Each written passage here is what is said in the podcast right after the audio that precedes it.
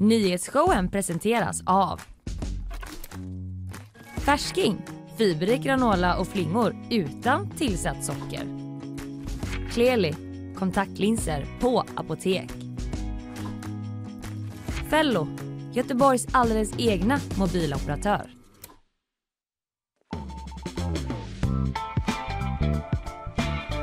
Ja men god morgon onsdag 26 april, eh, ny månad eh, höll jag på att säga men en ny lön, nya tag för de allra Ny flesta. lön, nya tag. Trots att det är lågkonjunktur, hårda tider och extremt mycket snack i korridorerna om ränteläget så får man väl ändå fira 25 och 26 lite Ja det får man väl göra. Ja. Det var Karl som, nu han Ja, igång drog igen ner stämningen. Det drog, jag, jag kom in med en dålig stämning.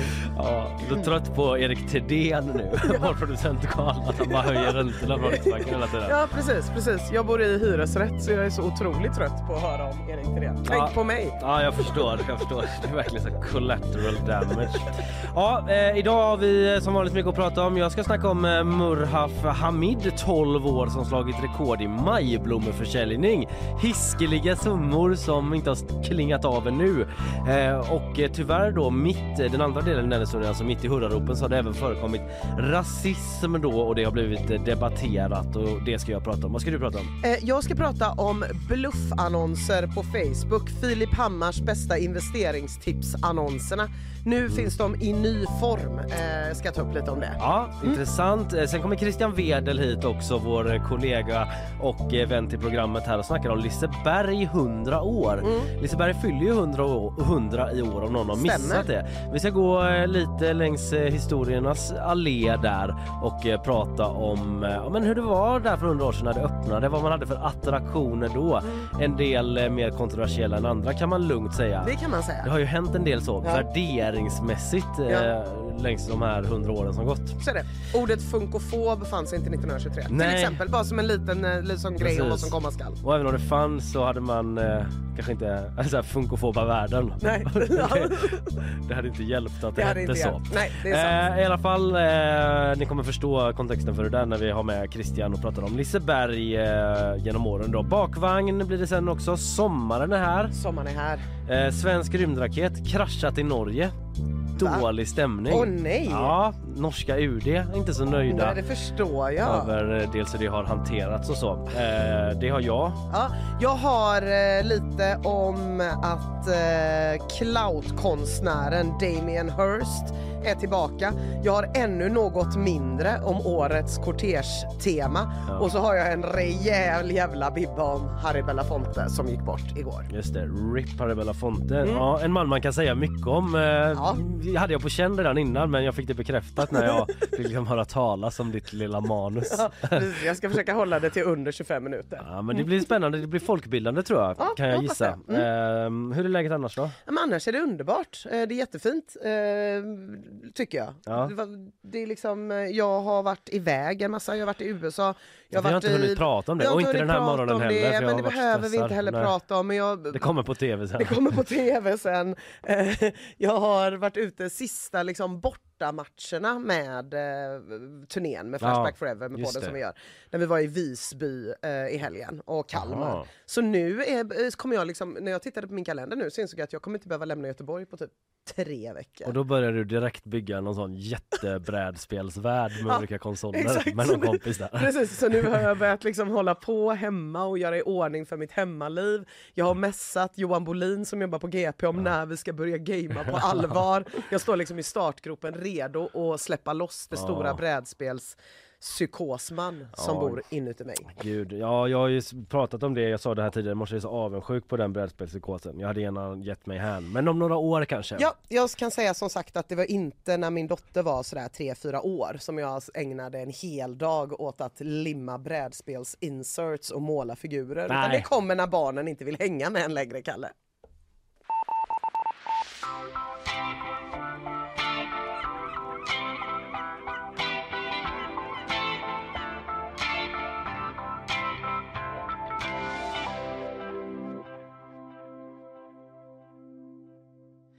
Du, eh, vi har ju ett eh, nytt rekord Ina. Nej, men... Lite lång fanfar men det ligger på minst 3,2 miljoner kronor. Och bakom det står Murhaf eh, Hamid, snart 12 år gammal och majblommeförsäljare. Ja. Alltså, Vad den, sa du att det var? Eh, 3,2 miljoner kronor. Shit, det kändes som att när jag läste igår var det typ 1,9. Ja men det var det. Det var det. Det har gått så den, fort, den här alltså. siffran på 3,2 hämtade jag från en SVT-artikel som uppdaterades eh, vid halv elva tiden igår kväll. Så det här tickar hela tiden Ja. och jag vet faktiskt inte var den här bössan ligger på just, Just nu. Eh, för eh, det går hela tiden uppåt. Som alla förstår eh, redan vid det här laget så är det inte att han dag och natt springer på gator och torg och säljer utan det finns ju digitala Mm. försäljningsmöjligheter Eh, nu för tiden. Eh, men vi kommer mer till hur det har exploderat och varför. Eh, men som sagt, det är ett nytt rekord som Murhaf då har. Den här snart 12-årige killen som först blev ignorerad på gator och torg. Han hade en ganska dålig upplevelse när han var ute i Skåne, i stan han är ifrån där och skulle sälja. Nästan mordstulen var han men gav inte upp då utan kavlade upp armarna och blev viral och sålde majblommor för miljonbelopp. En otrolig bedrift såklart. Eh, som har mötts av stora hyllningar i sociala medier. Eh, men också då rasism och eh, politiska uttalanden som följd. Vi kommer dit. Men först låt oss bara tala om Muraf och hans liksom, insats och stora bedrift att Ja. vi håller det isär från politiken lite grann. För så här säger Majblommans generalsekreterare Åse Henell eh, om det hela förresten. Vi har aldrig varit med om detta tidigare. Förra året så var det en eh, pojke som sålde lite över 100 000. Men det här är ju chockerande. Mm. Chockerande känns lite negativt laddat. Ja, jag, tror det är inte det. jag tror inte det är det, är det hon menar. Nej, jag tror inte heller det. Nej. Eh, Men eh, hon menar väl att det är en otrolig siffra för Mm. det är det ju som tickar på då.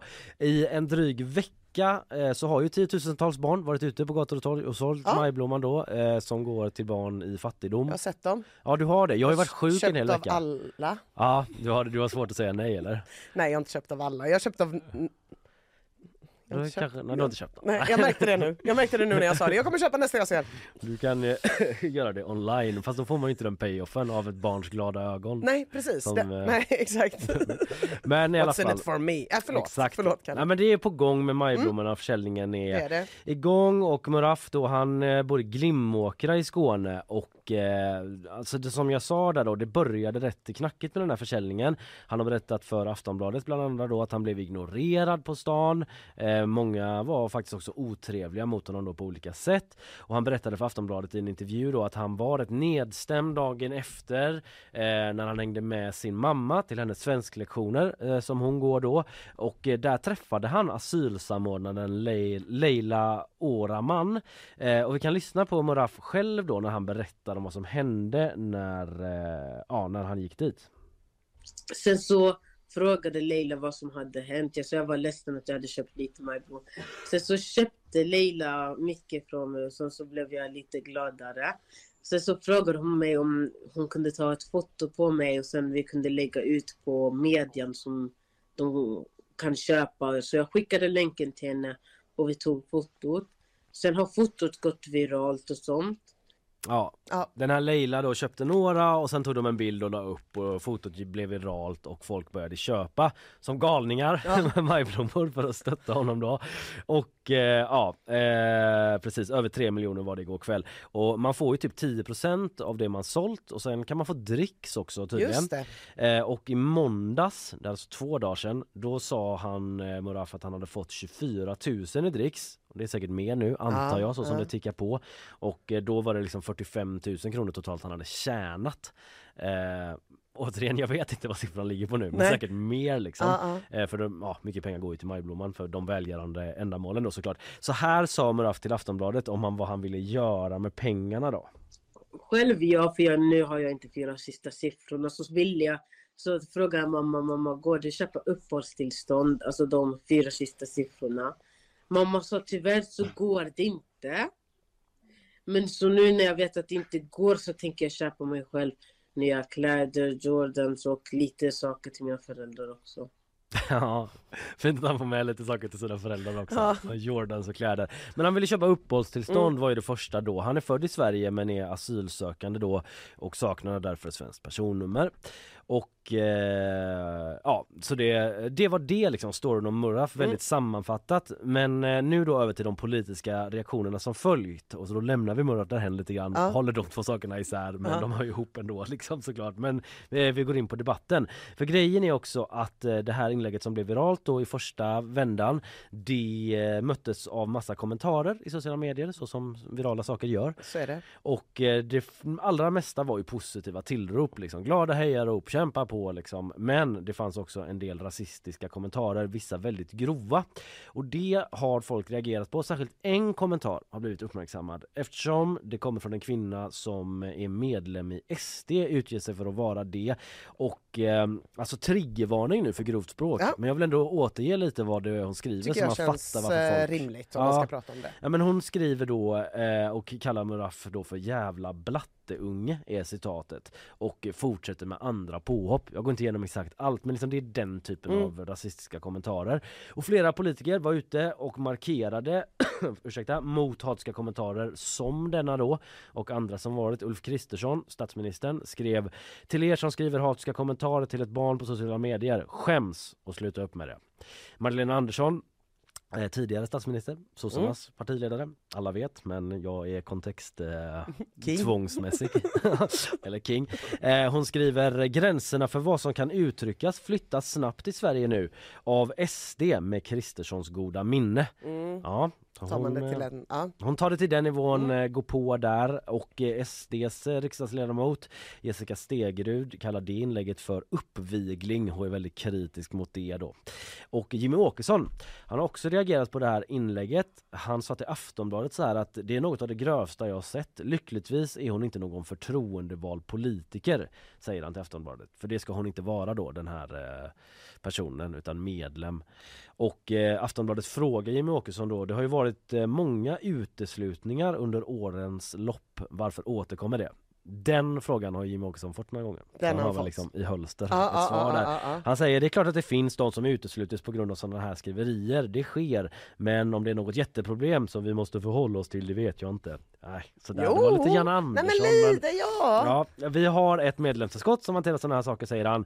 Men jag kan ärligt inte säga att jag är jätteinsatt i varje enskild uteslutning och vad den handlar om. Så säger han. Så han hänvisar till det här medlemsutskottet och eh, han har förtroende för att de ska hantera den här frågan bra. Och då har Aftonbladet snackat med Magnus Olsson som är ordförande i nämnda medlemsutskott då, som hanterar uteslutningsärenden. Och han bekräftar att man har inlett ett ärende om den här aktuella eh, personen och ehm, Eh, det kom in ett ärende från, lokal, från vår lokalavdelning säger han.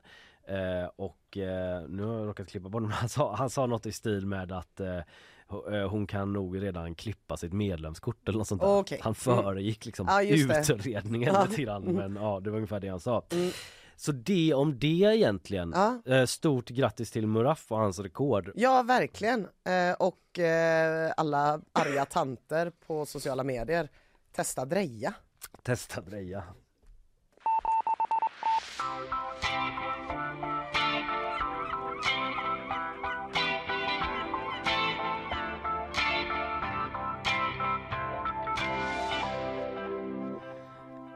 Yes, vi ska få en nyhetssvep om en stund. Eh, Sen ska du in och tala om eh, Filip Hammars nya investeringstips. Filip Hammars, Leif GWs och Jenny Strömstedts bästa investeringstips. Så håll i hatten. Ja, gör det på riktigt. 'Cause it's fake. It's all fake! Först eh, sponsormeddelanden. Nyhetsshowen presenteras av Färsking, fiberrik granola och flingor utan tillsatt socker. Kleli, kontaktlinser på apotek. Fello, Göteborgs alldeles egna mobiloperatör.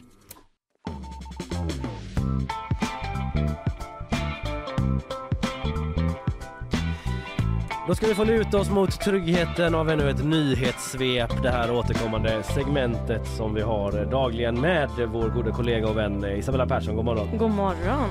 Eh, du, jag ska inte bli långrandig här i överlämningen utan eh, låta dig eh, ta, ta ton. Låter som att du liksom skulle gå i liten, polemik på något sätt. Eh, trudelutt. En trudelutt. Det är inte det du gör utan Nej. du ger oss ett nyhetssvep. Varsågod. Tack. Polisen fick i natt in flera larmsamtal om att man hört smällar på en parkering i Juvik på Hisingen. På plats kunde man konstatera att en skottlossning skett och man hittade hylsor i området. En anmälan om brott mot vapenlagen har upprättats men ingen har gripits. Idag väntas en ny höjning av styrräntan. Ekonomer spår en Återigen en dubbelhöjning alltså med 0,5 procentenheter vilket i så fall skulle innebära en ny styrränta på 3,5 procent. Samtidigt har inflationen gått ner lite och faktorer som bankoro i Schweiz och USA och att de höjda räntorna börjar göra det tufft för konsumenter kan innebära att höjningen stannar på 0,25 procentenheter. Vad det landar på informeras ut nu under förmiddagen.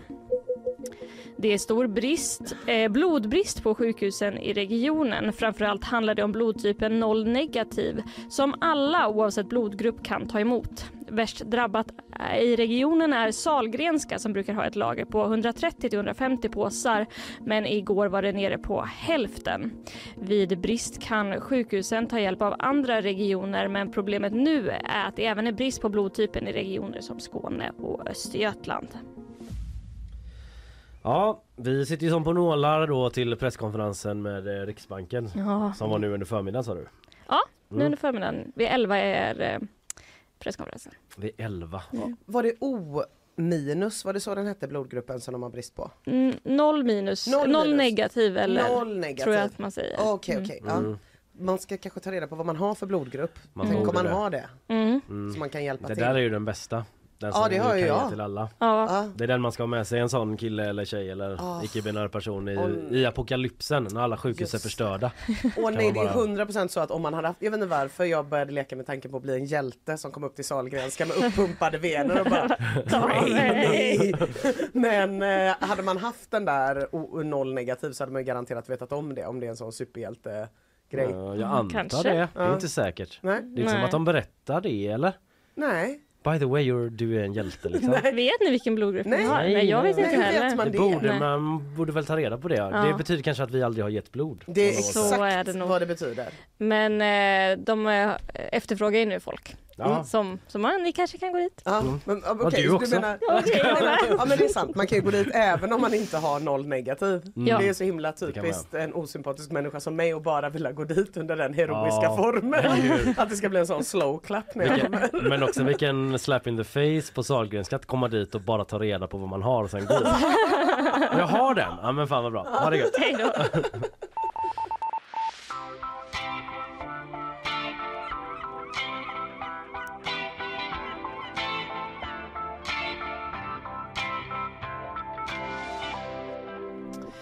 Kalle, har du funderat mycket det senaste på Filip Hammars bästa investeringstips? Nej, bara de senaste 20 minuterna. Bara de senaste 20 minuterna.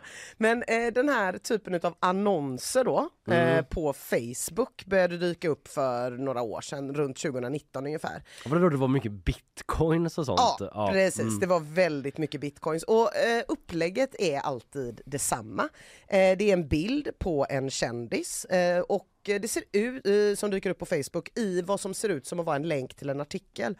Oftast från Aftonbladet eller DN. Ja. Där det till exempel står då att Filip Hammar har hittat ett jättebra sätt att tjäna pengar på som han nu avslöjar.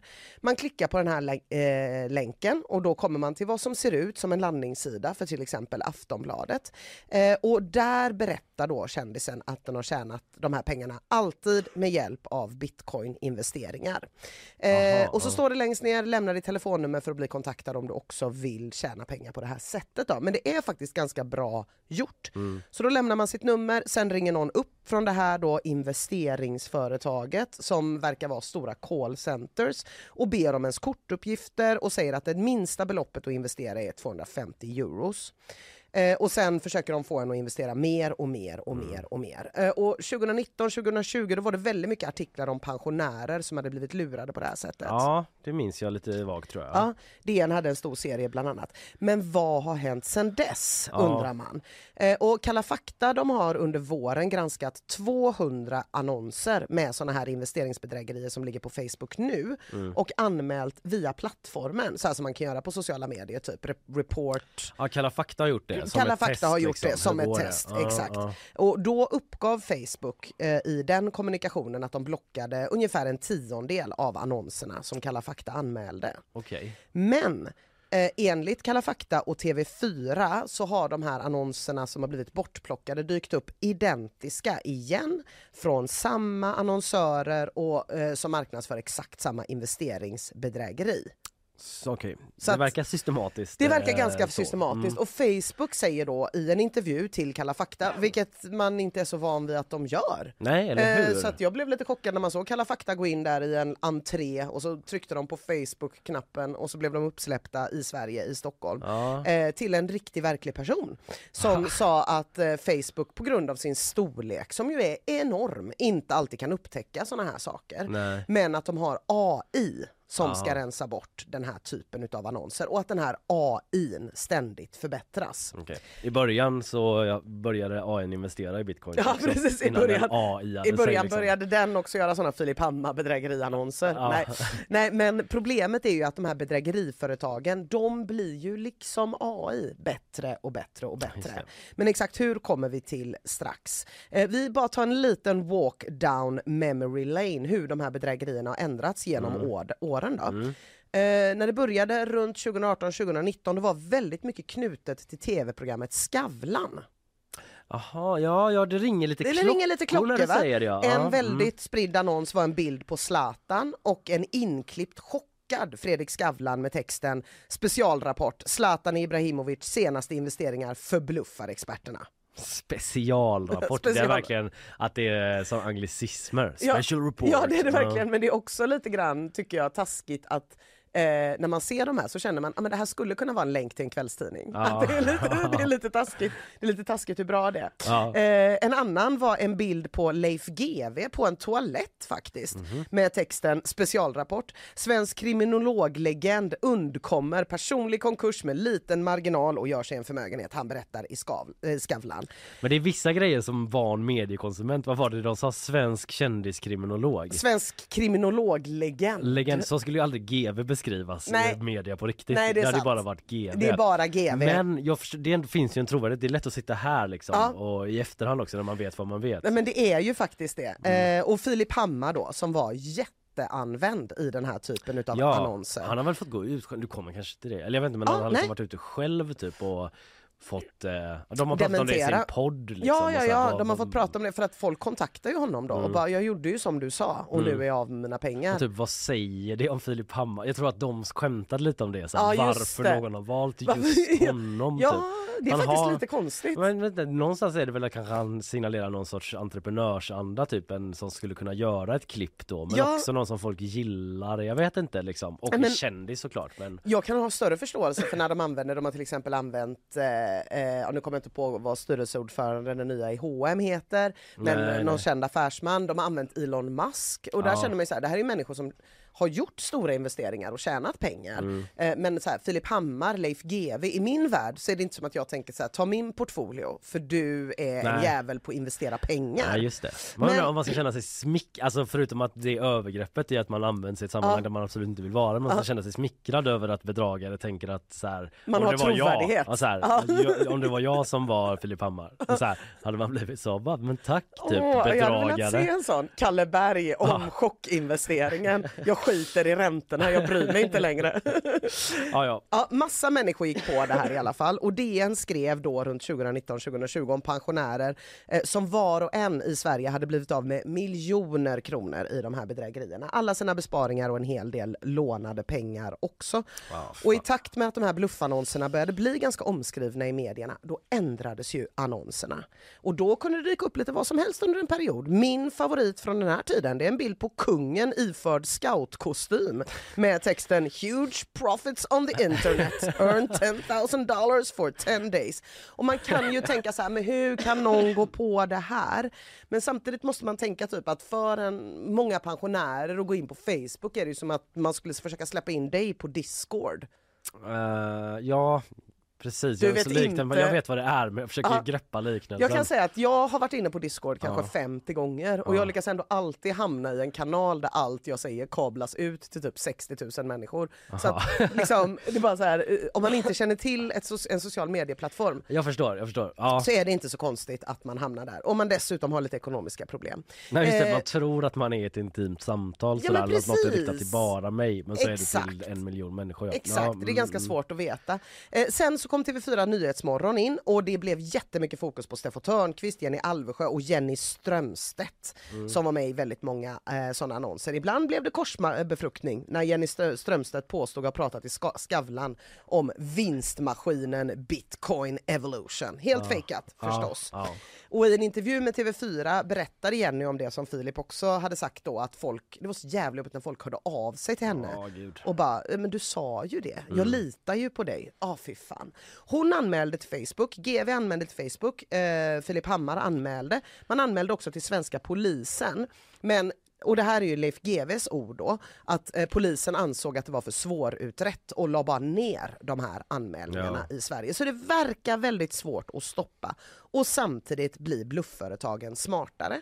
Under ganska lång period så lyckades de få in sina annonser på i princip alla stora dagstidningssajter genom Google Ads. Oj. Så att du kunde vara inne på Aftonbladet, läsa en riktig Aftonbladet-artikel, se länkade Aftonbladet-artiklar i högerkolumnen varav en var en annons men såg ut, som såg ut exakt som en länkad artikel. Ja, det är ändå sofistikerat Det är ganska. Mm. sof- sofistikerat. Du sitter och läser en artikel om Steffo och bredvid så är det så här, här är Steffos nya bitcoin eh, Ja, för det pengar. tänker man ju typ att annonserna på en eh, nyhetssajt är redakterat av någon som Exakt. jobbar på tidningen. Man men så är det ju inte det, riktigt. men det är så liksom är det inte. automatiserat. Men många svenska medieföretag har lyckats få bort de här annonserna, Mm. några har inte fått det. Men på Facebook där är annonserna absolut kvar. Och den senaste grejen som har kommit eh, och som är stor nu, det är att man använder tv-programmet Draknästet. Ja, Man kan se eh, artiklar som ser ut att vara till exempel från Aftonbladet där- det står drakarna är chockade över den otroliga investeringen. Och det här har ökat så mycket så att eh, Finansinspektionen gick ut här under våren och varnade för de här investeringsbedrägerierna som de har sagt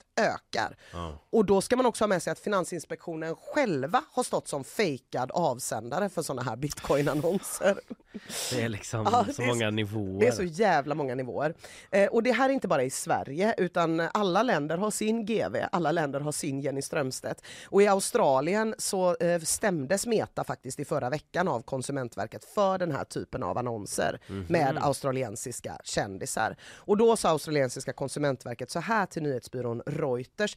Vi menar att Meta, alltså som äger Facebook, är medvetet om annonserna på Facebook men inte har vidtagit tillräckliga åtgärder. Vi känner till ett fall där en person lurades på 480 000 dollar och det motsvarar då 4,5 miljoner kronor. Så vi väntar väl på att Facebooks AI ska bli bättre men samtidigt blir ju bedragarna bättre. För tidigare har det ändå funnits ett säkert sätt att se när man är inne på Facebook om det här är en bluffannons eller inte. Och det är att högst upp på annonsen så står det att den är från Aftonbladet. Det är en bild som ser ut att vara från Aftonbladet, det är en rubrik som ser ut att vara från Aftonbladet men man ser att länken ofta är något i stil med XYZ Bitcoin Trader och Ja, inte, Afton, okej. inte Nej, börja med förstår. Aftonbladet. Det har man ändå kunnat hålla koll på. Fram tills att då igår eh, berättade IT-säkerhetsexperten Karl-Emil Nicka för TV4 att man har lyckats komma runt det här från de här bitcoinsföretagen. Så nu har bedragarna kommit på ett sätt att få texten på Facebook att se ut som att den går till Aftonbladet eller Ah. DN.se. Vad läbbigt, det är ändå ett av mina knep när Eller det kommer hur? phishing-mail när man ser att det är typ så från liksom göte.borg.posten. Alltså, du vet Exakt, att man, ja. ja. Och nu ser det 100% ut som att det är aftonbladet.se. Så här sa IT-experten Karl-Emil Nicka till TV4s reporter igår. Hur ska man då se om annonserna på Facebook är äkta eller inte? Det kan du inte. Det finns ingenting som gör att du kan bedöma om det här är en äkta annons eller en bluffannons. Han säger sen efter det att när man väl har klickat vidare till länken, då finns det ju sätt att se på landningssidan att man inte är på Aftonbladets Ja. egen hemsida genom att kolla typ i adressfältet. Men många har ju inte adressfält på sina mobiler och sådär, så att det har blivit svårare. Men det pågår rättsprocesser, inte bara i Australien, också i Storbritannien, så vi får väl se om det blir internationell rätt som räddar oss eller om det blir Facebooks algoritmer som blir tillräckligt bra.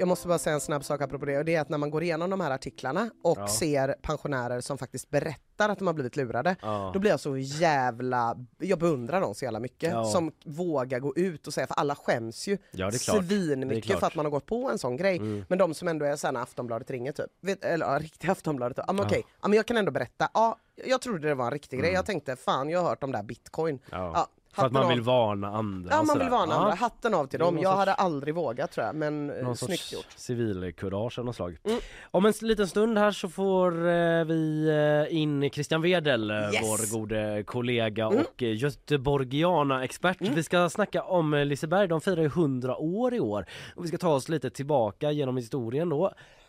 Ursäkta. Och eh, ja, men prata om eh, hur det såg ut för 100 år sedan när Liseberg öppnade och lite liksom hur det har utvecklat sig sedan dess då. Så eh, vi tar varmt emot Christian här om en liten stund. Häng kvar, först blir det sponsorer. Nyhetsshowen presenteras av Färsking, fiberrik granola och flingor utan tillsatt socker. Kleli, kontaktlinser på apotek.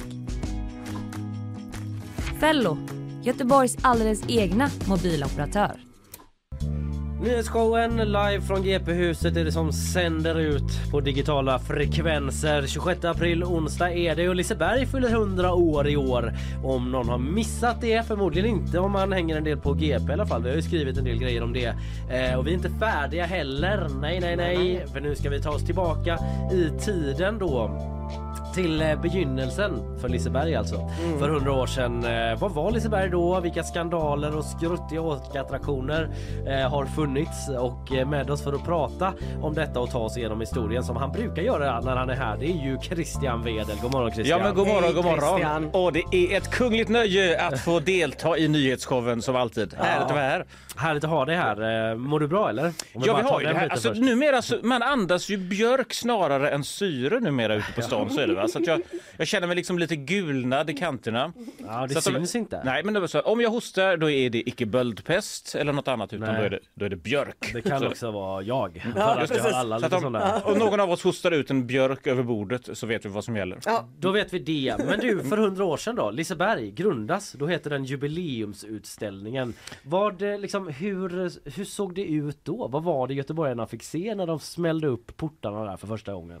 Ja, just det. Man kliver alltså in på nöjespark då. Det är lika bra att säga att vi är lite skrytsamma i Göteborg. Vi har nöjesparker här. I, Göte I Stockholm har de vulgära nöjesfält. Jaha Så är det. det är som asfalterade, grå, tråkiga saker. I Göteborg har vi grönskande, härliga parker. Så är det. Nej, men det var ju så här att Ännu en vinst. Just det, ännu, ännu, ännu en Stockholm. seger att inkassera. så himla synd att de heter Gröna Lund bara, Ja, just det, just det. vittnar om lite kullar och goda grejer. Ja, ja, men vi får, vi får se det som, som ett stycke bedrägeri. Det kanske är mögel det här gröna eller björkpollen, men vet. Nej men eh, alltså 1923 var ju det stora året för Göteborg. Man hade då en stor jubileumsutställning. Den minnesgode vet väl det att varje gång vi jubilerar i Göteborg så går det lite galet ju. När år 2021 fyllde Göteborg 400 år, kom en pandemi i vägen, vi har trasslat och brötat och nu står vi i 2023 och vi ska fira som 17 i Frihamnen och på andra ställen Ja. då i sommar då, två år försenat. Precis likadant var det på 1920-talet när Göteborg fyllde 300 år.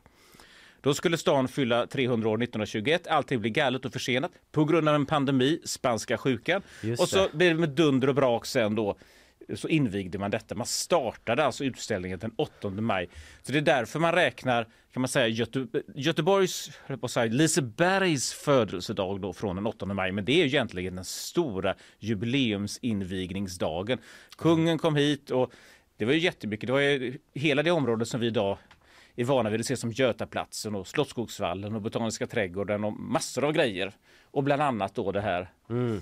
Ja, på de platserna var det världsutställning. Eller, Nej, det var inte en nej, världsutställning nej. utan det var man, man, eh, i, man vill gärna låtsas som om det var lite världsutställning. Ja, ja, okej. Det var ju inte riktigt det i Göteborg men det var väldigt mycket folk här och så. Det var, Men det var liksom olika grejer på de här platserna? Det Ja, de här liksom- grejerna ja, ja. öppnade ju. man Ja. öppnade dem. Alltså, Ja, botaniska, ja, mm, trädgården fattar. invigdes. Den, den skapades. Jag eh, trodde att Slottsskogsvallen låg här innan Ja. Göteborg grundades. Liksom. Att det var Nej, en så, så är det. Eh, det, det finns allt, man, kan, man kan alltid ge sig in och korrigera det här. Um, till exempel Botaniska trädgården, den betraktas liksom som en del av, av jubileumsutställningen. Sedan var de Mm. väl kanske igång med, med att bygga den lite innan de egentligen var säkra på att de skulle Man ha en utställning. passar på. Vi Just kör Och det- 1923. och det är väl liksom det som är, det är väl, ibland är det det som är det trevliga med oss göteborgare, att vi passar på, vi gillar att fira grejer och, och så kan de skoja med oss för att vi firar för mycket, men det är väl kul att hitta ett, hitta ett bra tillfälle att fira någonting. Ja. Så då kom man igång med det här med, med då det här nöjes, den här nöjesparken. Ja, Men då var det väl knappast liksom eh, flumride och berg och dalbana i första hand? Ja, Flumride var det ju inte. eh, Karamelljul, fanns det? Nej, men man hade, man hade lite tombola. Man, man hade den här bergbanan. Mm. Eh, som åtminstone jag minns, för den fanns ju kvar till 1980-talet. Alltså en Mhm. skranglig och brötig eh, berg och dalbana. Den invigdes det här året 1923. Sedan var det, allt var inte klart då i maj utan man liksom pö om pö invigde det här. ja. Och det var ju också så att ehm, man sa inte någonting annat än att det här var en del av liksom en tillfällig utställning som skulle stänga sen på hösten. Alltså det skulle vara öppet några månader Ah, okej. och sen bara fortsatte det. Men jag tror att det där är en bluff. Jag misstänker att man tänkte ha Liseberg öppet även i fortsättningen. ja, jag förstår. Och jag har mina randiga skäl till att tro detta. Vad är Du, det behöver- för du behöver bara ställa följdfrågan. Ja, Just vad är det vad är det för skäl? skäl? Jo. Precis. Jag bara stod och Ja. stirrade på det. Så. nej, men det var ju så här att det var det var mycket bråk om den här jubileumsutställningen, alltså mycket politiska motsättningar och man kan säga att när man nu läser om det efteråt så verkar det som om helt enkelt den politiska vänstern var mot utställningen och den politiska högern var för utställningen. Och någonting låg det väl i detta. Men dels så förändrades liksom utställningen under planeringen. Alltså från början så var detta tänkt som en ganska, liksom en ganska stillsam, lite nästan Skansen-betonad kulturhistorisk utställning. Man hade en fejkad medeltidskyrkogård, man skulle visa lite böcker och kyrkor. Det var, det var allmänt stillsamt. Samtidigt under planeringen så blir ju de här, de här göteborgska metallindustriföretagen SKF, Götaverken, de blir bredare och stöddigare för varje månad som går. Så det här blir liksom en klang och jubelexportutställning. Och sedan kommer smygande i marginaler, liksom, ungefär som Petter Northug på en femmil sådär. Liksom, först krypande så småningom med full fart. En figur som heter Herman Lindholm. Och Herman Lindholm, han är egentligen först fackligt ombud för träarbetarna men tung, på alla sätt tung socialdemokrat i Göteborg. En sån, du vet en sån här göteborgare som är lång på bredden som, som man säger. Va? Så han kommer hit och han älskar nöjesparker. Så, att han, så att Liseberg är hans grej. Han har till och med testbyggt, alltså redan sådär 1907 eller så, så provbyggde han liksom ett litet mini-Liseberg på Hisingen. Så han var helt, jag är helt bombsäker på att han var totalt inriktad på detta. Vad roligt att den här evenemangs-sossen går att spåra det. så långt Ja, bak i tiden. han är- det finns- det som finns- också är liksom Det finns, ja precis, de, de, de, breda, de breda pojkarna i den, göt, i den göteborgska och kanske inte allt helt igenom ständigt lika radikala socialdemokratin Nej. då Nej. som, som, som, som jobbar på med detta. Så han, Liseberg är Herman Lindholms grej Ja. och jag är helt övertygad om att hans plan inte var att det här skulle stänga i september 1923. Nej. För sen så fortsatte man, av liksom av en händelse, han satt i alla kommittéer och styrelser och fullmäktige som gick. Av en händelse liksom fortsatte man då 1924 och av en händelse blir han då naturligtvis chef för detta nya kommunala bolag. Alltså Herman Lindholm blir chef. Så, att, så att jag är helt säker på att det är på det här viset. Sen, sen så kommer jag att bli hudflängd av eh, skolhistoriker, eller de akademiska historikerna. Det blir alltid. Så att det, det får jag liksom stå ut med. Ja, Men, men det, de här breda Göteborgssossarna då, eller Ja, Herman, just- hade ja. de bilden när det öppnades 1923 att det här, jag tänker bara på tidsandan då, skulle det här vara ett folknöje, skulle det här vara liksom brett och till för folket eller visste, eller kände man redan då så som det kan vara nu att när man kommer in här då går det några tusenlappar liksom, då ska man bli av med pengar.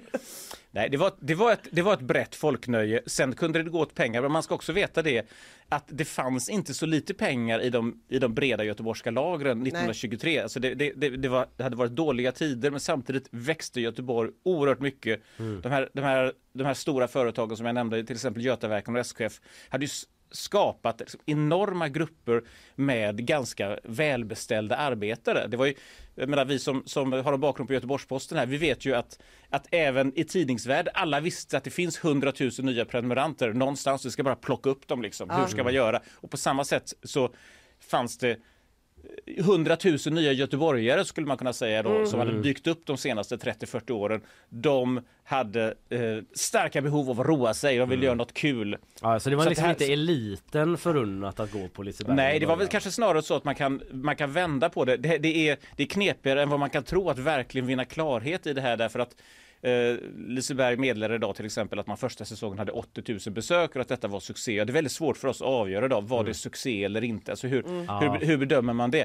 Men, men jag tycker att det är uppenbart att Liseberg var ju trots allt i en jubileumsutställning som hade varit ganska söndersliten och konflikter rätt så länge under planeringen och där, där det fanns liksom en, en, en friktion gentemot arbetarrörelsens eh, vänsterflank så var så känns det som att det här ändå var liksom ett, ett typ av folkligt, jag ska Ja. inte kalla det alibi, men ändå, ändå, ändå någonting som, Man som lyckades gjorde ändå få ihop de delarna visst, lite Något grann. som gjorde den här gröten lite lättare att svälja faktiskt. Va? Och apropå gröt, Ja. Alltså, det, går en, det går en väldigt konstig historia om den här Herman Lindholm. Den är otroligt svår att, att få bekräftad. Alltså, det, det påstås att, att han, Herman Lindholm han var skåning från början. Snickare från Skåne. Mm. Ja, det, är bara det är ju lite suspekt. Men han, det sägs det att han gillade att äta havregrynsgröt med lingonsylt. För att det blev sån vacker gammelrosa kulör då när han rörde runt lingonsylten i gröten. Och att det är det som är förklaringen till att Liseberg har den här gammelrosa Rosa. kulören. Så att, så att, så att när, när ni promenerar nu då i sommar på Liseberg och går och tänker Åh, vilken härlig gammelrosa kulör. Ja, då är det egentligen Jättebra, det är Hermans härmat, gröt. ja. Ni promenerar i Hermans gröt. Känn, kan, kan, du, kan du få den känslan? ja, men mäktigt att ha med Ja, sig ja, när man Ja, ser detta. jag kommer återberätta det Mm. helt utan att darra på manschetten eller säga att det är svårt att bekräfta. Jag kommer bara säga, så. Här var det kommer jag säga. ja, exakt, exakt. Testa själva där hemma. Just det, det är svårt att bekräfta men vi är helt säkra på vår sak. Vi måste ju gå vidare till Lillköping. Mm. Vi måste ändå prata lite om eh, några utav eh, attraktionerna får man väl kalla det, som skiljer sig väldigt mycket eh, från, eh, som hade varit otänkbara idag. Ja. Christian, kan du inte berätta för oss? Jo, man hade ju alltså en, en dvärglandsattraktion på, på Liseberg under den första säsongen. Det hette då Lillköping. Då hade man byggt upp en, en liten stad och så hade man fyllt den med dvärgar som var då eh, tyska och österrikiska dvärgar. Alltså, kortväxta personer kort- som man ja. skulle säga idag då. Men, Eh, ja. kortväxta personer. Och, och, eh, och det här, man hade väl liksom trampat lite snett där. Eh, därför att eh, Göteborg, Göteborg vimlar av exempel från 1800-talet på att man har, man har haft man har haft lappläger på, på Järntorget och man, har- man har haft indianer på besök och så vidare. Men, men plötsligt, eller man har haft någon utan armar som har kunnat brodera till exempel. Sådana här saker. Lite, lite som det som man skulle kunna idag kalla för freakshow egentligen. Just det. Men, men, eh, men tiden hade liksom sprungit ifrån detta. Det, det, det, Men redan det, då så var det, det- Mm. kändes inte riktigt okej så det var ganska många som kritiserade detta. Och sa, samtidigt så har ju, har ju Liseberg långt, alltså det, det här är inte så um, i fallet Lillköping är det naturligtvis så att, att det, det är ganska grovt över gränsen till någonting som känns smaklöst. Alltså det är någon typ av lyteskomik. För det är alltså kortväxta människor som de har... Så, ja, de, klär, de har fått borgmästare och postmästare och sådär och så får man gå in i den här lilla staden och så får man se hur den här, hur den här Ja. Lillköpingsstaden ser ut. Men, men, men tittar man på detta liksom eh, om, man, om man nu lägger detta misslyckade Lillköpingsprojekt åt sidan så, så är det inte helt ofattbart att de här arrangörerna ibland liksom hamnade snett därför att man hade diskuterat om man skulle ha ett ett läger med samer då, man kallar det då för, då för lappläger Just det. 1920. Det hade man inte.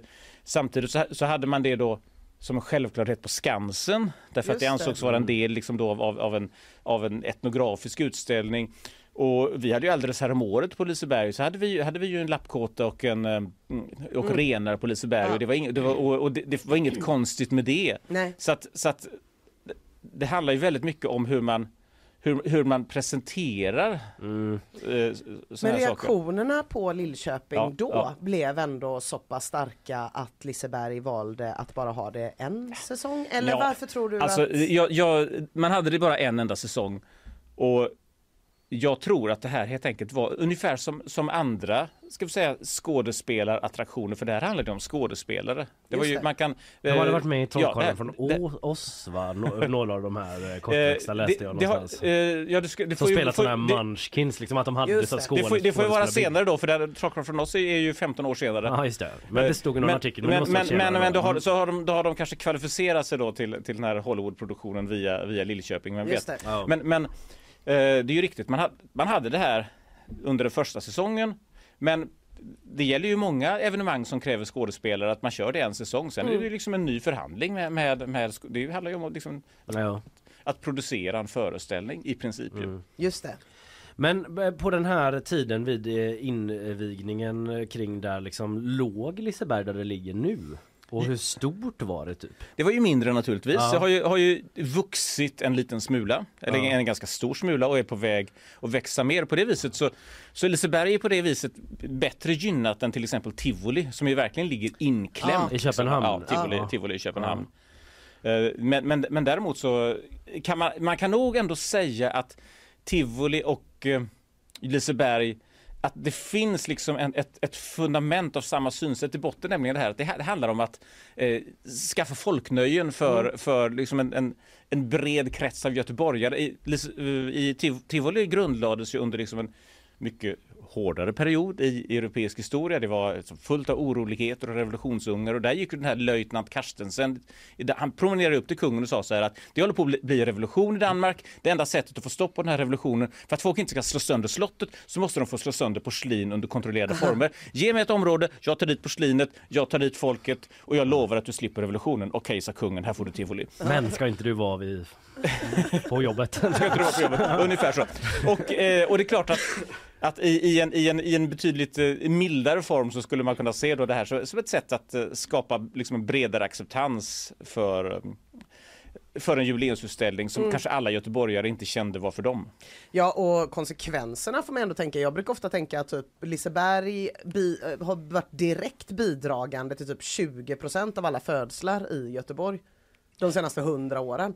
Alltså att- alla, allas farmor och farfar eller mormor och morfar om man är från Göteborg träffades ju på Ja, ja. Liseberg. Just Att det är typ den tidens Tinder. Att det är så här, det är liksom, utan Liseberg så hade ju aldrig någon Nej. träffats utanför liksom den lilla stadsdelen där man bodde eller från Just jobbet typ. Ja. Men dansbanorna, liksom, det har slagits Just det, och det har legat. polketten var 1920-talets Tinder? Ja, Ja, varför jag inte? Men det kan man nog... eh, Ja just det, för det var ju dansbana där inne på Liseberg. Ja. Ja. just det, så den typen av mötesplats också förstås ja. Ja men Mm. precis. Men Lise, Liseberg har ju alltid varit, eh, eller alltid, jag menar åtminstone i, eh, jag är född 1971 och i min generation så var det väldigt tydligt att Liseberg var förknippat med någon typ av, av, av eh, magiskt undantagstillstånd. Alltså man, man var på Liseberg en eller möjligen två gånger om året. Det fanns inget jul på Liseberg utan det var liksom bara stängt på vintern och sedan så, så kom någon sorts explosion av kreativitet och spänning då på våren när man kunde gå dit.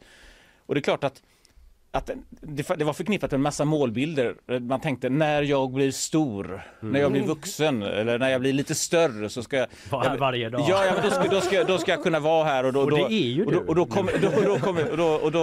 kommer, jag att vara, då kommer jag vara oemotståndlig för tjejerna och när jag blir lite större så kommer jag bli familjefar då kommer jag gå med mina barn och så vidare. Så att det, det är liksom en eh, Lis- Liseberg har, har på ett väldigt, väldigt fint sätt prickat in sig själv som en, en slags sån här målbild för göteborgare. Jag tror att det skulle Alltså det skulle ju bli eh, ett, nästan revolution om någon kamikazebetonad politiker fick för sig att lägga ner Liseberg. En Fullständigt orimlig Ja, tanke. ja bara när, nu när Flumride då skulle lägga ner bara då blev det ju ramaskri. eller väldigt, väldigt Ja. arga. Ja. Mm.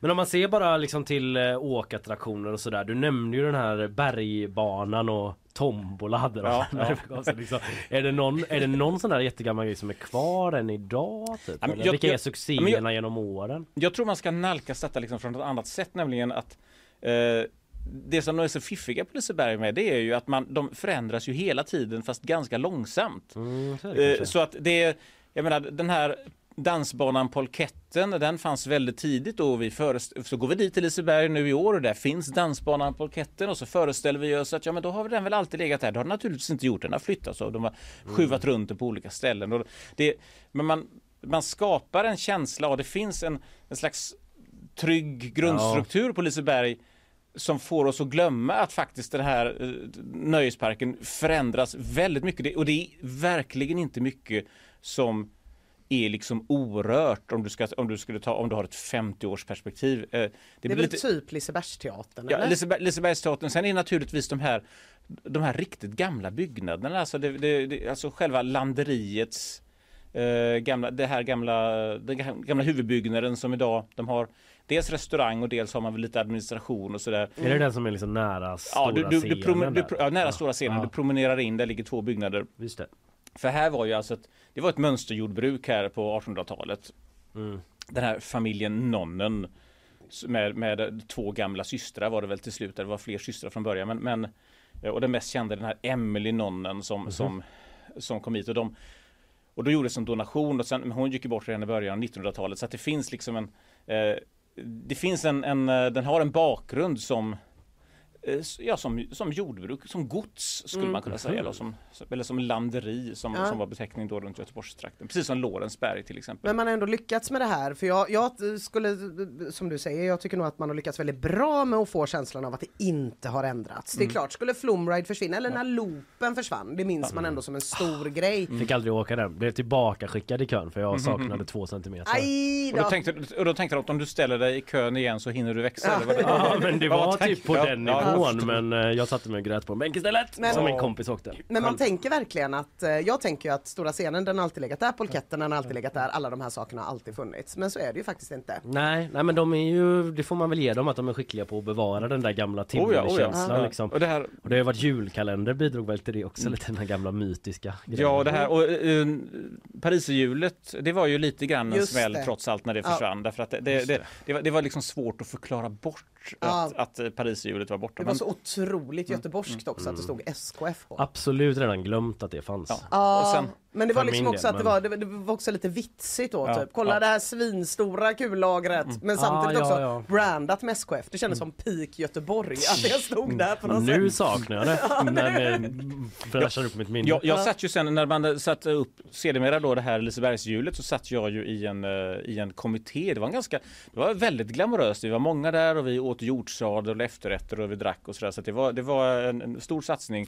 Och det slutade med att, och vi skulle alltså helt enkelt besluta vad det här hjulet skulle ha för vitsigt Göteborgsnamn. va. Det var, och så blev resultatet Lisebergshjulet. Så det känns som, det, Det är också en Göteborgs tradition det där. Ja. Som Aha. nya, eller gamla Ullevi liksom. Ja, ja precis. Lite, lite, Man lägger mycket pengar lite, på lite lunchätarkommittéer och sedan landar man i något, något, något fullständigt självklart. Ja, 100 år fyller Liseberg alltså och det är ju saker på gång där som vi har skrivit om. Man har ju nytt hotell och det ska bli liksom sånt här äventyrsbad typ. Just det. Ja, och Ja, det hade varit där förut också ju. Fast Ah. det, har, väl- det har väl folk börjat glömma. Att det fanns Men det bad- fanns, det Ah. fanns, det Ah. fanns ett, eh, en stor badanläggning på Liseberg på, på alltså, pff, ta det med en nypa salt, men mellan 1935 och 1960 ungefär liksom, så, okej. så, så fanns det en badanläggning där. Ja, man lär sig ständigt nytt eh, av dig Christian. Eh, tusen tack för att du var här och eh, liksom fördjupade våra kunskaper i Liseberg Ja. eh, och sådär och gav oss lite eh, goda anekdoter som vanligt. Glöm inte det här med den rosa färgen baserad på en Eh, lingon blandat med havregryn. Skulle inte kunna glömma om jag Vi så fick glömmer inte det, ett underbart nöje. Men då ger vi, vi, vi väl oss ut i terrängen igen i Göteborg och inandas björk. Ja det gör vi. Mycket bra. Mycket Tack så bra. mycket. Tack. Hej!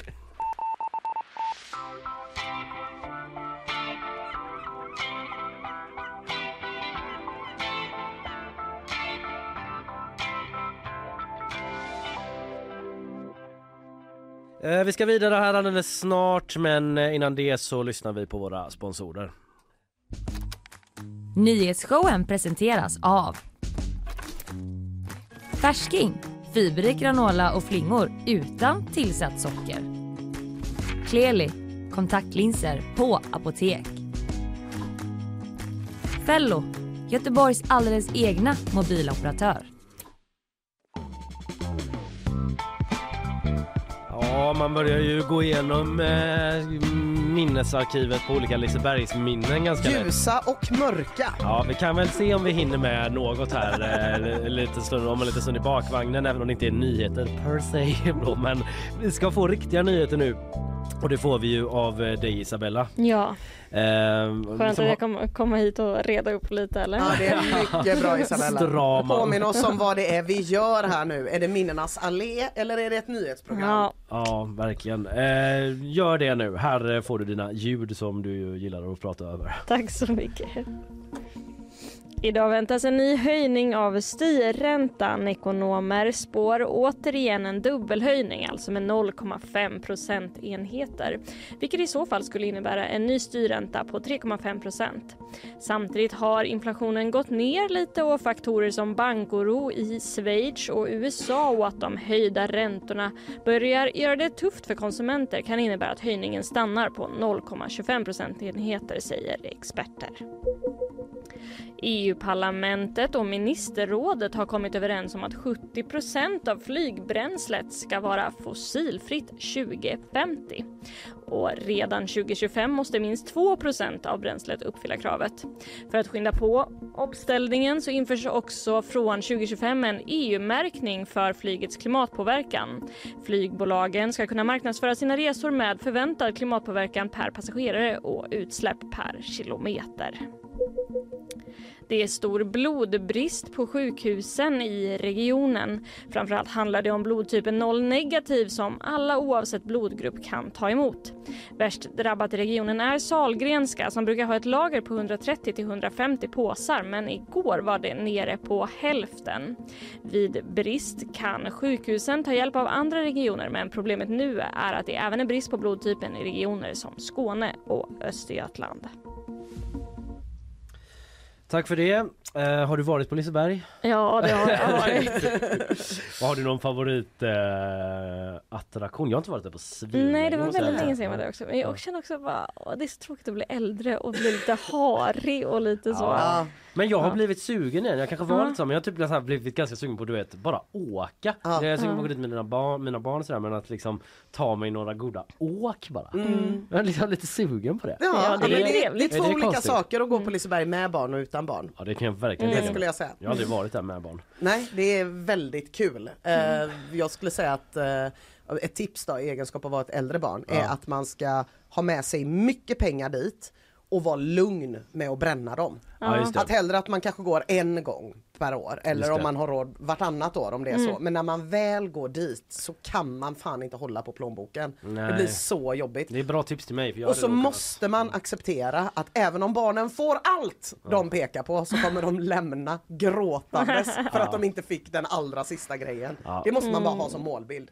Så Det- blir det bra. Det är bra att ha med sig. Tack Isabella. Tack så Vi går mycket.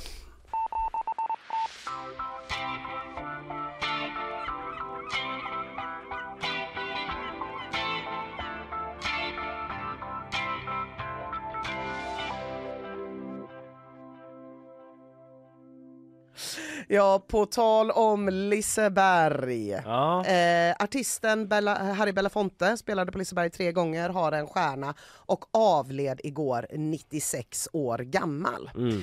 Ofta så kan det ju låta lite taskigt när man säger så här, ah, va? Jag visste inte ens att han levde. Mm. Men med Harry Belafonte så tycker jag att det är helt rimligt att man kanske trodde att han redan var död eftersom att han hade en enorm betydelse på 50-talet. Och människor som hade en enorm betydelse på 50-talet har ju en tendens att inte leva 2023. Ja, Det är inte jätte, det tenderar att förhålla sig Det så. tenderar att förhålla sig så. Men vi tar en liten bakgrund på Harry Belafonte. Han föddes i Harlem av föräldrar från Västindien med blandat ursprung eh, och tog typ på egen hand in karibiska influenser i mainstream-musiken. Och inte bara i mainstream-musiken i USA utan riktade sig väldigt mycket till en vit publik som lyssnade på honom och tyckte väldigt mycket om hans musik. Och han var ju på alla sätt absolut inte vit själv men var ändå under en period den absolut största stjärnan i världen. Och detta alltså samtidigt som segregationen i USA var stenhård. Väldigt få svarta syntes på TV. Eh, och när de gjorde det så var det kanske Louis Armstrong eller, eller, Fitz, eller Fitzgerald, jazzmusiker som kanske snarare riktade sig, i alla fall i vissa fall, till en mer svart publik. Men Belafonte han var störst under 50-talet fram tills Elvis kom då Ja. och släppte några otroliga album. Och sen från eh, slutet av 50-talet så var inte hans fokus så mycket musiken fi- eh, eller filmer längre som han också var med i, utan medborgarrättsrörelsen i USA. Just det. Han samlade in pengar för att betala borgen för häktade demonstranter. Han deltog i de här stora marscherna för rättvisa, bland annat den till Washington 63. Och när Martin Luther King eh, mördades 1968 så gick han in med ganska mycket pengar och stöttade Martin Mm. Luther Kings familj. De var nära, han var någon sorts rådgivare Ja, där. de var väldigt Ja, nära och tillbringade väldigt mycket tid ihop. Liksom. Eh, och Harry Belafonte fortsatte hela sin, alltså den här politiska karriär, eh, eller den här politiska aktivismen, den Mm. höll han igång hela sitt liv. Han var med och drev på bojkotten mot apartheidregimen i Sydafrika, han var väldigt bidragande till den här We are the world-grejen. Mhm. Eh, han var Unicefs goodwill-ambassadör och kallade så sent som 2016 Donald Trump svag och omogen. Så in i det sista, han uttalade sig också om Donald Trump 2020, så att även som gammal så var han politisk då. Mm. Eh, och eh, det var han ju på sitt sätt såklart även i sin musik. Även om eh, låtarna sällan hade stora politiska influenser så uppträdde han både i film och på tv när han sjöng med sångerskor eh, som var vita. Ska vi lyssna på en av hans Va? eh, lite kändare Ja, låtar? jag visste inte att det fanns en med! Nej, nej men vi tar det direkt här från min dator så får vi se lite ja, vart vi kommer in då. Men det är säkert många som känner igen den här låten. Det är en Ja. liveversion av Deo, eller The Otroligt. Banana Boat Song. Otrolig låt!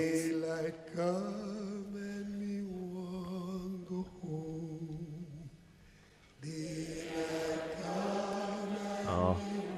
Här or, liksom dirigerar han publiken. Här spolar jag fram lite. Ja, men folk känner igen den här biten Folk känner igen den här biten. En otrolig grej med Harry Belafonte är att man hör på hans röst att han är snygg. Men eh, om man bildgooglar så inser man att han är ännu snyggare än vad han låter. Han kan mycket väl eh, vara den vackraste mannen som någonsin har levat. Han har också gjort min eh, favorit eh, jullåt. Ska Ah. vi ta en liten bit? Ja, det är väl klart att vi ska ta! Nu kommer On love four calling birds, three French hens, two turtle doves, and a partridge in a pear tree. Det är så bra också för att man kommer aldrig ihåg texten så det är såhär Nej. Two turtle doves, three geese on land. Och sen kan man alltid komma in på Five golden Five golden rings, two Ja, hummingbirds. ni hör ju. Ja, den är otrolig Mm. faktiskt.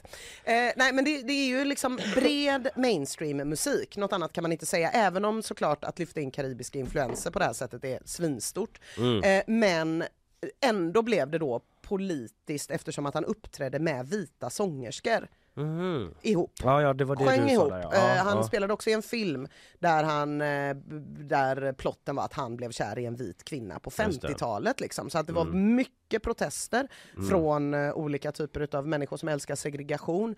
Men Harry Belafonte var också kritiserad av svarta som Mhm. sa att hans popularitet berodde på att han var så ljushyad. Han hade en, både en mormor och en farfar tror jag det var som var vita.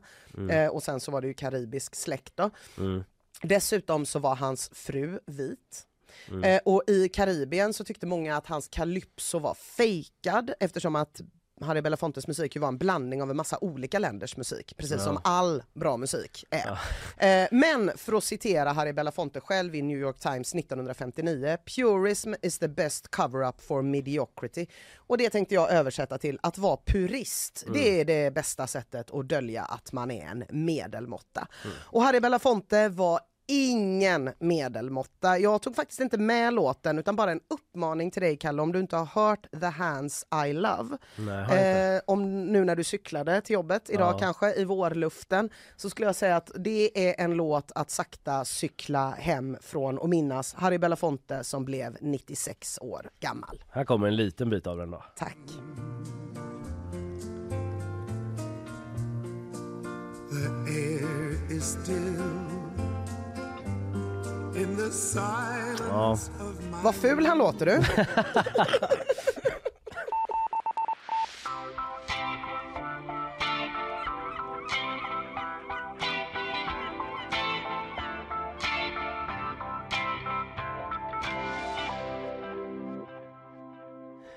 Rymdraket. Oh. En sån har skjutits upp eh, från svensk eh, mark du. Nej men det här har jag helt missat. Jag har varit så besatt av Elon Musks eh, dåliga rymdraket. Jag har helt missat det här. Ja, under måndagsmorgonen sköt S-Range Space Center i Oh. Kiruna upp en raket då som skulle göra ett experiment med tyngdlöshet och sen landa tillbaka på jorden igen på samma landningsområde i Kiruna alltså.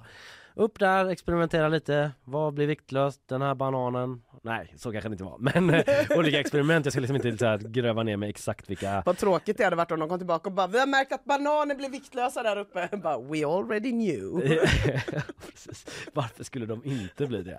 Eh, men eh, det, något gick fel då för Nej. att det här har lett till en liten sån eh, grannfejd är väl hårt att säga men eh, en incident då där eftersom den här slog ner i Norge istället. Dock inte hela raketen utan en del av raketen eh, landade fyra mil från den tilltänkta landningsplatsen och eh, då inne på norskt eh, territorium.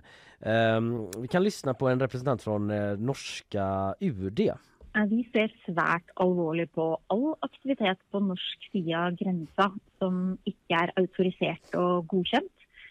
Så vet man jo at en slik rakett eh, det er noe som kan medføre stor skade, så det er en alvorlig hendelse. Mm, till ekot. Vad v- vänlig översätt. Ja men de eh, ser svårt allvarligt, eh, svårt allvarligt på, på den här typen av incidenter och eh, det var till Ekot hon sa det här och eh, till eh, VG så, eller enligt om den tidningen så var den här alltså 9 meter lång och väger 1,6 ton. Mm. Alltså hela raketen var det men delar av den eh, då landade på 1000 meters höjd i Norge i en bergskedja i Mitt-Troms. Okej. En mil från närmsta samhälle. Ja, så det var ingen den, sån katastrof då. Eh, men den missade det här eh, rymdområdet S-range som har en area på 5200 kvadratkilometer. Mm. Så det var en ganska kraftig boom ändå. Ja. Om det har översätts till skidskytte så är det att man liksom träffar expertkommentatorn i båset. Ja, ja, känns det är som. lite illa. Ja. Ja, det är lite illa ändå. Ehm, men eh, jag läste att eh, ja, men den här delen som slog ner då eh, var inte den här större raketen utan det var en mindre del av den då som eh, lossat och var drygt 300 kilo tung. Nyttolasten kallas det. Jag vet faktiskt inte exakt vad det är Nej. men det är väl någon del som släpper då. Låter Eller som en viktig del. Ja, den nyttiga lasten liksom, nyttolasten. Och det är den som landade i Norge och nu behöver hämtas upp då. Mm. Och eh, i ett pressmeddelande så skriver eh, SCC då, Swedish Space Corporation, att eh, man arbetar med att hämta hem den här lasten i Norge. Så man ska upp på det här 1000 meter höga berget då och eh, på något sätt forsla tillbaka utrustningen och man utreder också vad det är som har gått fel. Och det som de är lite sura för i Norge på UD, det är att man inte har fått Alltså dels att man ser på alla incidenter som allvarliga när liksom deras eh, suveränitet på något sätt kränks ändå. Ja. Liksom. Alltså, så här, visst det verkar vara en olycka men det är Mm. ändå så att det trillar in massa rymdskrot. sida. Ja. Eh, precis, vad är det här för bös Ja. liksom? Det står Sverige Ja. på. Så ska det väl ändå Det inte ska gå bara till. vara norsk bös i Norge. Ja precis, Det- exakt. Men eh, alltså det, de är sura på att de inte har liksom fått eh, rätt information på rätt sätt till sig. Vi ska lyssna på den här representanten från, hon är presstalesperson, jag har missat att skriva ner namnet bara, ehm, på norska UD då. Vi har ikke fått noen formell beskjed fra svenske myndigheter om denne hendelsen til Utenriksdepartementet. Vi, vi er ikke kjent med bakgrunnen for hva som har skjedd, eller om det har blitt skader på omgivelsene. Ja, Utrikesdepartementet Norge med sina Ja. roliga namn på saker. Eh, har inte fått eh, den officiella informationen på korrekt väg som de skulle vilja ha som de tycker att det borde gå till. Så där är de lite sura. Däremot så har liksom företaget som eh, skjuter upp raketen och sådär. De säger att de har liksom eh, kontaktat lokala myndigheter och norska myndigheter och så. Och det är så här, okej, okej Mm. det kanske de har. Men vi vill att officiella svenska myndigheter på rätt väg ska höra av sig till oss. Annars blir vi sura. Ja, det, det är bara en grej vi blir. det är så det borde gå till liksom. Ja. och det har de nog rätt i vad jag förstår. Eh, men eh, i alla fall eh, som jag sa, de är på G där eh, att ta sig upp på den här höjden Ja. och forsla hem böset. Ja. Hur det nu ska gå till. Bring the bus home. Bring, home our bus. Bring home our bus.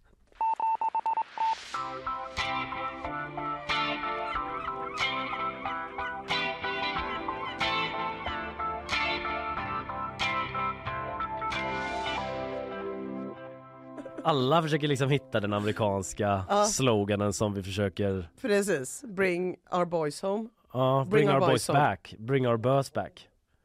Vad sa du? Ja just det, bring our bus home. Ja det är inte riktigt samma Nej, klatsch. det är inte samma riktigt samma klatsch. Tänk vad snyggt det hade varit om man hade satt en direkt. Tänk på det kära lyssnare Ja. och föreställ er det. Vilken show ni hade haft. Nu ska jag berätta om att konstnären Damien Hirst är Ja. igång igen. Eh, en brittisk konstnär som är något av en clout king får man säga. Vad betyder det? Ja, men han är bra på att få uppmärksamhet för sina Aha, grejer. ja, Clout är mm. någon slags här, eh, brukar användas som någon slags internet makt typ. Ja, Ja, att mm. man kan få liksom, eh, men man har lätt för att bli viral. Ja för det är ju en av de, eh, för min del liksom få typ så moderna popkonstnärer som jag känner till. Liksom. Ja, precis. Ja, men det gör man ju och det är ju inte en tillfällighet. För han har ju ställt ut döda djur i formalin. Det kanske inte är det konstigaste men han har också pyntat människokranium med diamanter och Och där börjar man ändå bli lite Ja. sugen på uppmärksamhet. Han har också eldat upp sina egna originalverk Ja. som en konstgrej då. Konstgrej? Märks att jag kan mycket om konst. Han gjorde det som en konstgrej. Eh, och det var en aktion som fick konstkritikern Dennis Dahlqvist att säga så här till SVT. Jag har tröttnat på hans PR-trick. Ja. Finns det något som är intressant så är det hans förmåga att manipulera media. Själva konsten är intetsägande.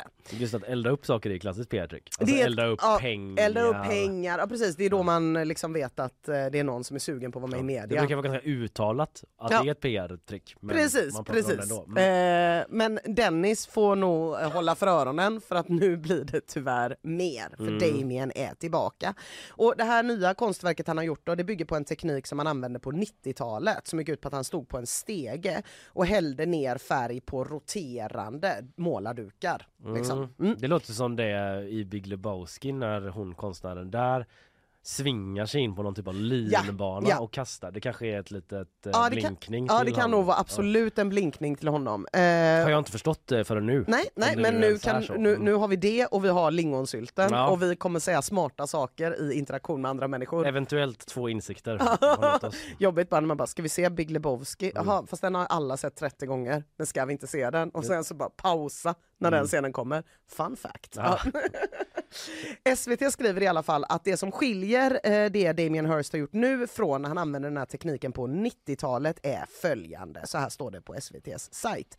Nu är tekniken betydligt mindre kladdig och tavlorna är istället gjorda av köpare som har fått använda ett AI-verktyg där de själva har valt färg, storlek och form. Snark på AI-konsten då. Verkligen snark på AI-konst. Ja. Eh, Damien, man får då Damien Hirsts eh, signatur på verket. Ändå. Ja, okej. Jag kan känna också med tanke på att pensionärer blir avlurade sin pension för att Facebooks AI inte riktigt har kommit till fatt. Kan inte all AI bara ägna sig åt det? Ja, istället för kan vi detta. bara rikta all AI mot det? Men hur sa du att det gick till? Alltså att köpare själva via AI-verktyget? Precis. Eh, köpare får själva via AI då bestämma färgen, storleken, formen på duken. Sen droppas färgen ner från någon höjd på den här roterande duken och det är ju då Damien Hirsts idé från början så han eh, sätter också sin signatur. För annars så låter det ganska mycket som något spel mina barn spelar på iPad, Ja. på padda. Du vet Precis. att man liksom häller färg och får Ja. välja olika små tryck. Och då kanske du får betala lite pengar för att de inte ska få reklam där eller så får de vackert titta på reklamen. Det vet inte jag hur du gör men de här kostar pengar, de här målningarna. Ja, Eh, och vet du hur många sådana här han har sålt på nya dagar?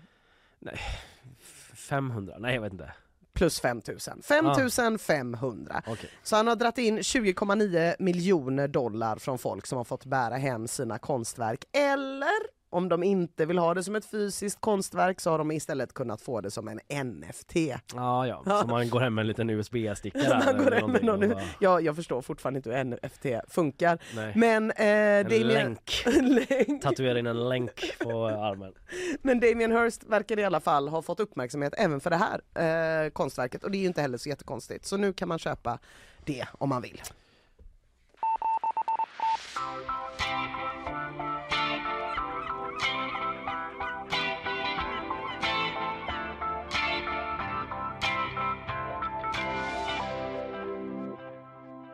Ina, Ja. Oh, oj! Oj! Vad ska det bli? det ska bli sommar! Nu är den här. Vi lyssnar på Vivaldis eh, Fyra årstiderna sommardelen, den hetsiga. När det vaknar till liv, det börjar liksom bubbla i naturen, mossor och lavar och det kommer fåglar och grejer och Fan vad sådär. sinnessjukt att det här är sommardelen. Jag vet, jag blev också lite det här är förvånad. den minst somriga melodin jag har hört hela mitt liv. Det här är liksom framåt slutet av den delen. Eh, det är lite lugnare i början, men det är det här som är den kända delen. När Ja just liksom, det. De Ja, okej. ur på stråkarna. Jag kan liksom. tänka mig slutet av augusti, Way Out West, absolut. Ja. Men för mig, man tänker ändå mer så.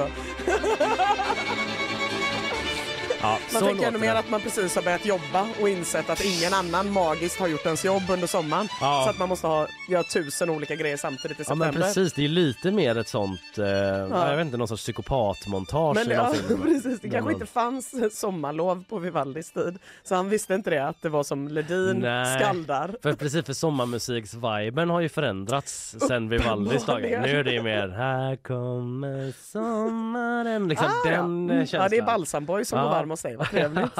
Vet vi Det var det. det första jag kom att tänka på. Det andra jag kom att tänka på efter Vivaldi. Varför spelar jag det här då? Jo, för nu är det sommar i Göteborg. Jaha. Den rubriken läser jag på gp.se. Och då talar vi såklart om eh, meteorologisk sommar. Ja. I meteorologisk mening är det sommar. För eh, det har ju varit eh, nämligen eh, en dygnsmedeltemperatur på över 10 grader i fem dygn i sträck. Vilket betyder att eh, sommaren är här. Man känner sommarviben Ja, man liksom. det här är verkligen att sitta på en uteservering. Ja, Solglasögon på. Rullar in i sommaren like. Ja precis. Filt i Slottsskogen. En brygga. Ja men så är det i alla fall. Eh, tisdag den 18 april. Eh, sen dess har det varit. Så det är ju eh, ett tag sen då. Ja. Eh, för man räknar från det första dygnet. Eh, eftersom man räknar från det första dygnet har det varit sommar i Göteborg sedan den 18 april säger Charlotta Eriksson Mm. som är meteorolog på SMHI. Eh, dock eh, får man väl eh, skjuta in då att eh, det inte väntas någon typisk sommarvärme framåt. Eh, Nej, för jag kände precis det, för jag, jag har varit bortrest så mycket, så först i USA och sen så i Visby och där och, och, och jag, de dagarna jag har tillbringat i Göteborg här nu, de sista två, ja. de har ju inte haft varmt och gott. Nej men jag... Eh, Så var det min sommar, Ja men Kalle. den var ju här i slutet av förra veckan Ja. eh, såg jag genom fönstret då när jag låg sjuk tyvärr och missade de goda dagarna. Eh, då var det ju pangväder. Det var Ja. upp mot en 17-18 Var det så grader gött, alltså? eh, någon dag där. Eh, Kanske ännu mer i solen, jag vet inte men eh, det var jävligt fint var det. Men nu då så ska det vara eh, ja, lite svalare väder framåt här Mm. under veckan som kommer. Det ska vara liksom lite soligt och så men eh, vad skulle det vara idag? Runt en eh, 9-10 grader. Ja. Så det är väl okej Ja, för att vara april. jag vill ha mer. Ja, det är i alla fall så att den här meteorologiska sommaren har kommit tidigare än eh, än normalt. Om man jämför med åren mellan 1991 till 2020 så har sommaren kommit något tidigare än vanligt i Göteborg. brukar den komma först i början av maj månad. Mm. Så vi ligger lite före. Men det kan inte bli liksom meteorologisk höst nu? Alltså det är så här, eller vinter, alltså det, det, det är väl så här, nu har vi gått in i sommar för att om det är 10 grader i mer än 10 dagar eller, eller Ja, fem ja. dagar, då, då, då, nu är vi inne i det då har vi bestämt. Över 10 grader fem, Fem dagar i rad, okej Ja. okej. ja. Ja men eh, jag minns bara att när vi pratade om våren så var det ju att den meteorologiska våren inte kunde inträffa för ett visst datum. Just det, så måste det vara med sommaren med. Ja, sommar mot höst måste Ja. ju ha samma princip då. Just det. Eh, exakt. Ja, Okej, så då är det sommar, vad bra. Det känns ändå svingött tycker jag. Jag är så jävla laddad. Jag har aldrig varit så laddad för en sommar som årets. Pro sommar, Nina Lundström. Ja, men du vet, jag vet att det är kontroversiellt men Ja. nu säger jag det bara. Ta, ta dig som du är.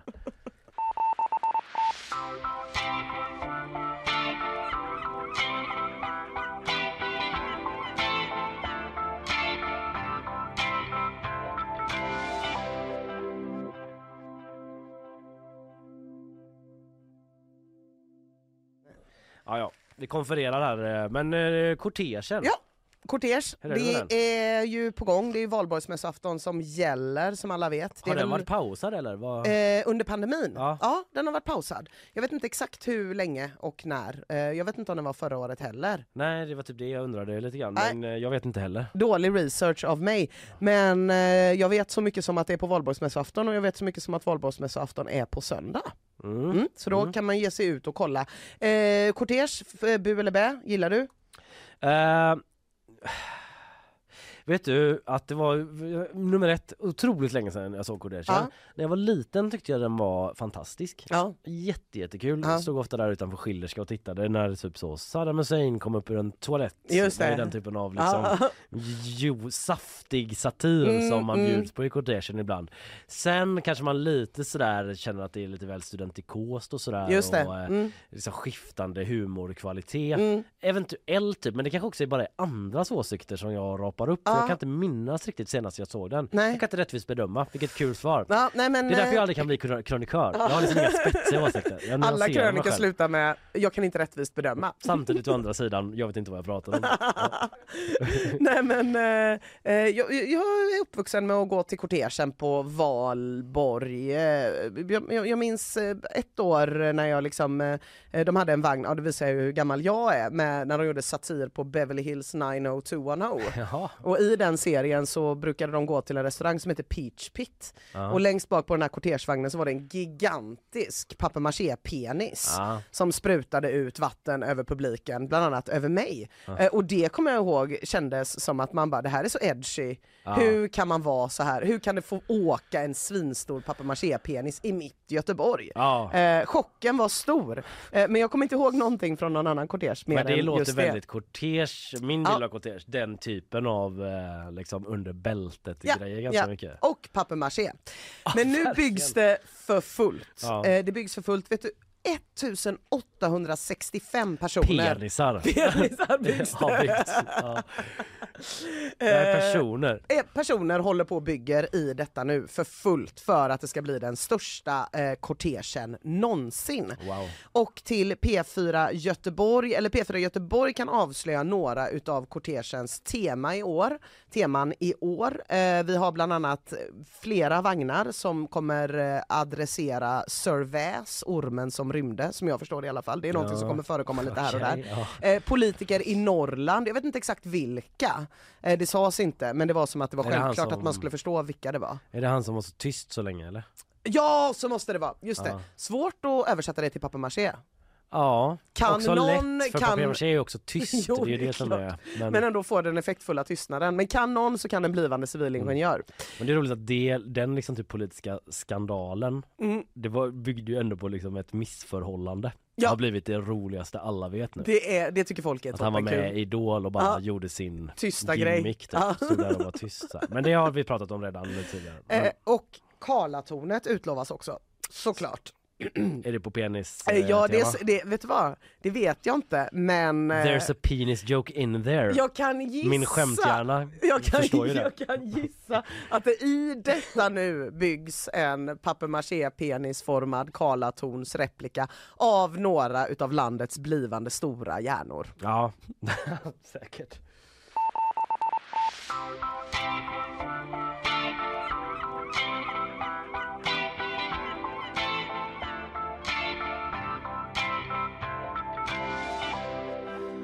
Ja, man blir lite sugen på att ta sig ner och kolla in kortegen. Ja, kan man göra. Eh, något för barnen kanske. Man kan säkert, jag kan tänka mig att man kommer kunna se lite bilder på gp.se när det Det kommer man kunna göra. Sig. Jag gissar det. Du, eh, idag eh, så eh, har vi pratat om en hel del grejer. Du var inne på det här med Facebook-annonser. Ja, de har nu blivit ännu svårare att eh, upptäcka om man inte vet var man ska leta. Just det, och jag snackade om 12-årige, snart 12-årige Muraf då som har slått rekord i att sälja majblommor över 3 miljoner. Ja. Hade han sålt igår kväll eh, enligt SVT och det har ju blivit lite politisk debatt om det på grund av att han tyvärr mellan alla positiva tillrop också fått möta en del rasism då. Eh, så det har politikerna tagit avstånd ifrån eh, och så vidare. Det pratade jag om. Sen var Christian Wedel här Ah.